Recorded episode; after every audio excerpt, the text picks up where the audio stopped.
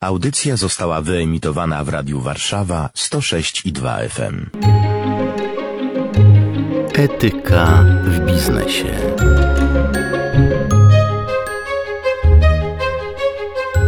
Dziś gościem programu Etyka w biznesie jest Paweł Kuryło, prezes spółek Soft for You i Lek Lek. Dzień dobry. Dzień dobry panie redaktorze, dzień dobry państwu. W biznesie ważne są wartości, a co jest źródłem pana wartości? Może to brzmieć banalnie, ale jest nim wiara katolicka. To wokół tego orientuje się, decyduje, co jest dobre, co jest złe. Wierzę głęboko, że poza biznesem jesteśmy także ludźmi i bardzo ciężko jest postępować etycznie w biznesie i nieetycznie w życiu lub na odwrót. Zachowywać się w sposób nieetyczny w biznesie i, i etyczny w życiu osobistym.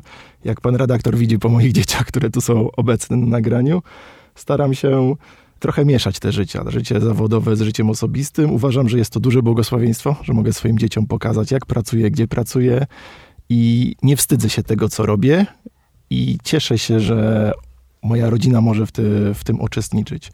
W przypadku trudnych decyzji mam jeszcze jedno źródło wsparcia i wskazywania drogi. Jest nią moja żona Agnieszka która bardzo często konfrontuje moje opinie pochodzące z arkusza Excelowego i mówiące, co się opłaca, z tym, co warto, czego może nie warto i co w takiej długiej perspektywie będzie, e, będzie sensowne dla nas jako rodziny i dla biznesu. To tak troszeczkę taki ro rodzinny biznes w cudzysłowie.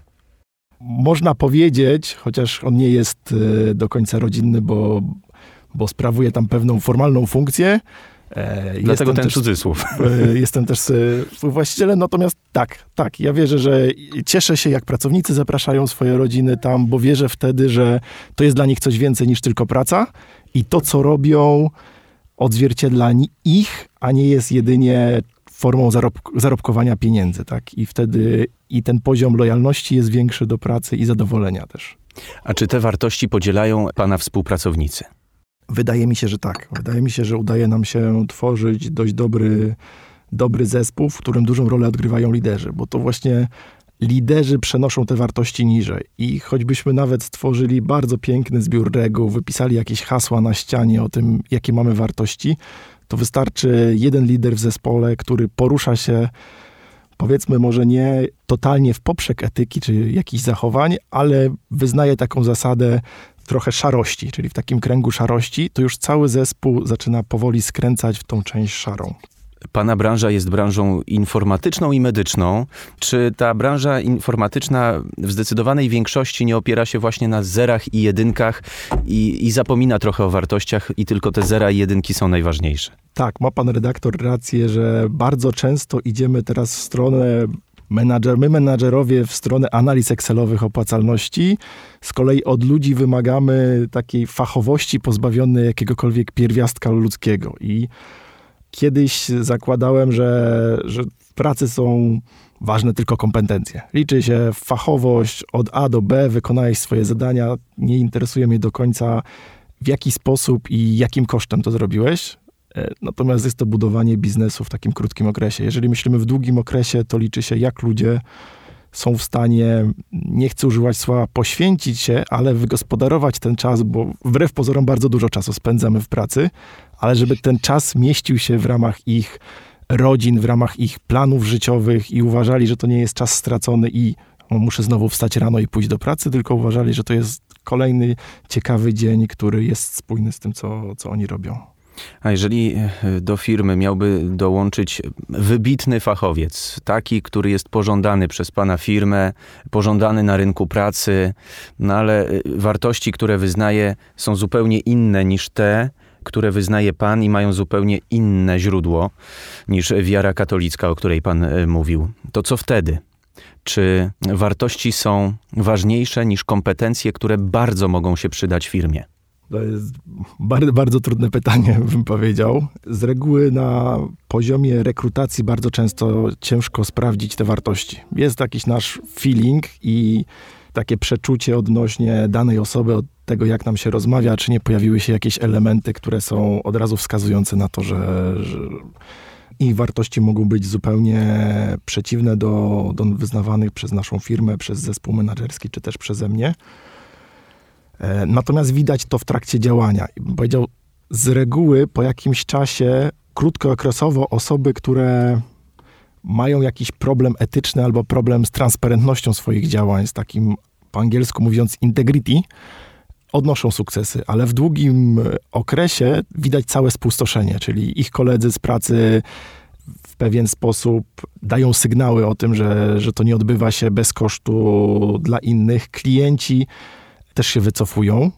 I powiedziałbym, mam takie doświadczenie z pracy w konsultingu, kiedy super ważna jest transparentność. Nie dodawanie od siebie swoich poglądów klientowi, nie próbowanie pokazania czegoś w lepszym świetle albo w gorszym świetle niż jest. Czyli po prostu totalna transparentność w stosunku do tego, co robimy, jak robimy i taka chęć niesienia pomocy.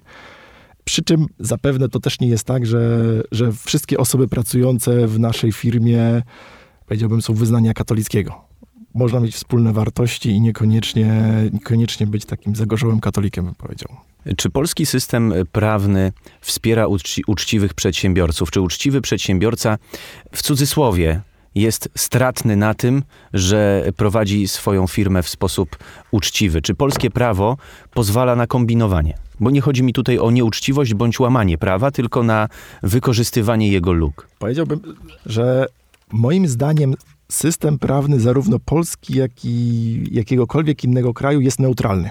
To jest jakieś dane nam środowisko, tak jak środowisko geograficzne, w którym robimy. Problem, jaki ja dostrzegam w prawie, to jest jego zmienność.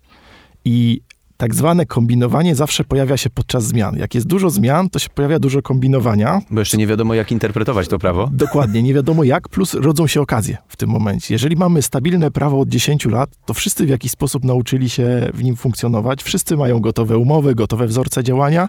Jak ktoś nowy wchodzi, to nie ma tam dla niego okazji. On musi dostosować się do pewnych reguł.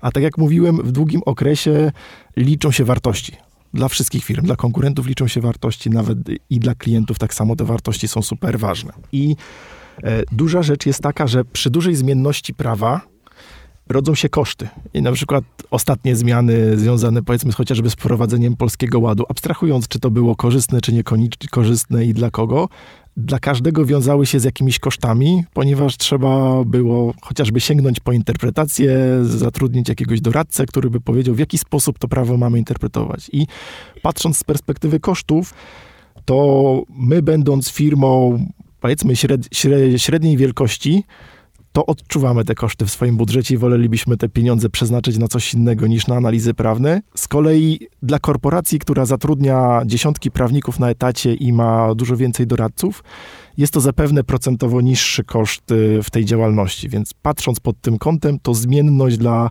szczególnie małych firm jest problematyczna. I myślę, że czasami to kombinowanie czy ta nieznajomość przepisów rodzi się z tego, że po prostu te firmy nie do końca są w stanie się zorientować we wszystkich zmieniających się normach prawnych. Rozmawiamy w naszym e, programie o etyce i biznesie. Czy tej etyki można się nauczyć? Czy trzeba to wynieść z domu? Czy trzeba to wynieść jakby mm, z okresu dzieciństwa? Czy także później e, podczas studiów, podczas e, szkoleń menadżerów, biznesmenów porusza się tematy etyczne? Moim zdaniem edukacja jest super istotna. Ja przez wiele lat e, prowadziłem firmę szkoleniową, więc głęboko wierzę w edukację i w to, że, że trzeba ludziom pewne rzeczy uświadamiać, trzeba im pokazywać po pierwsze przykłady, a po drugie ich uczyć.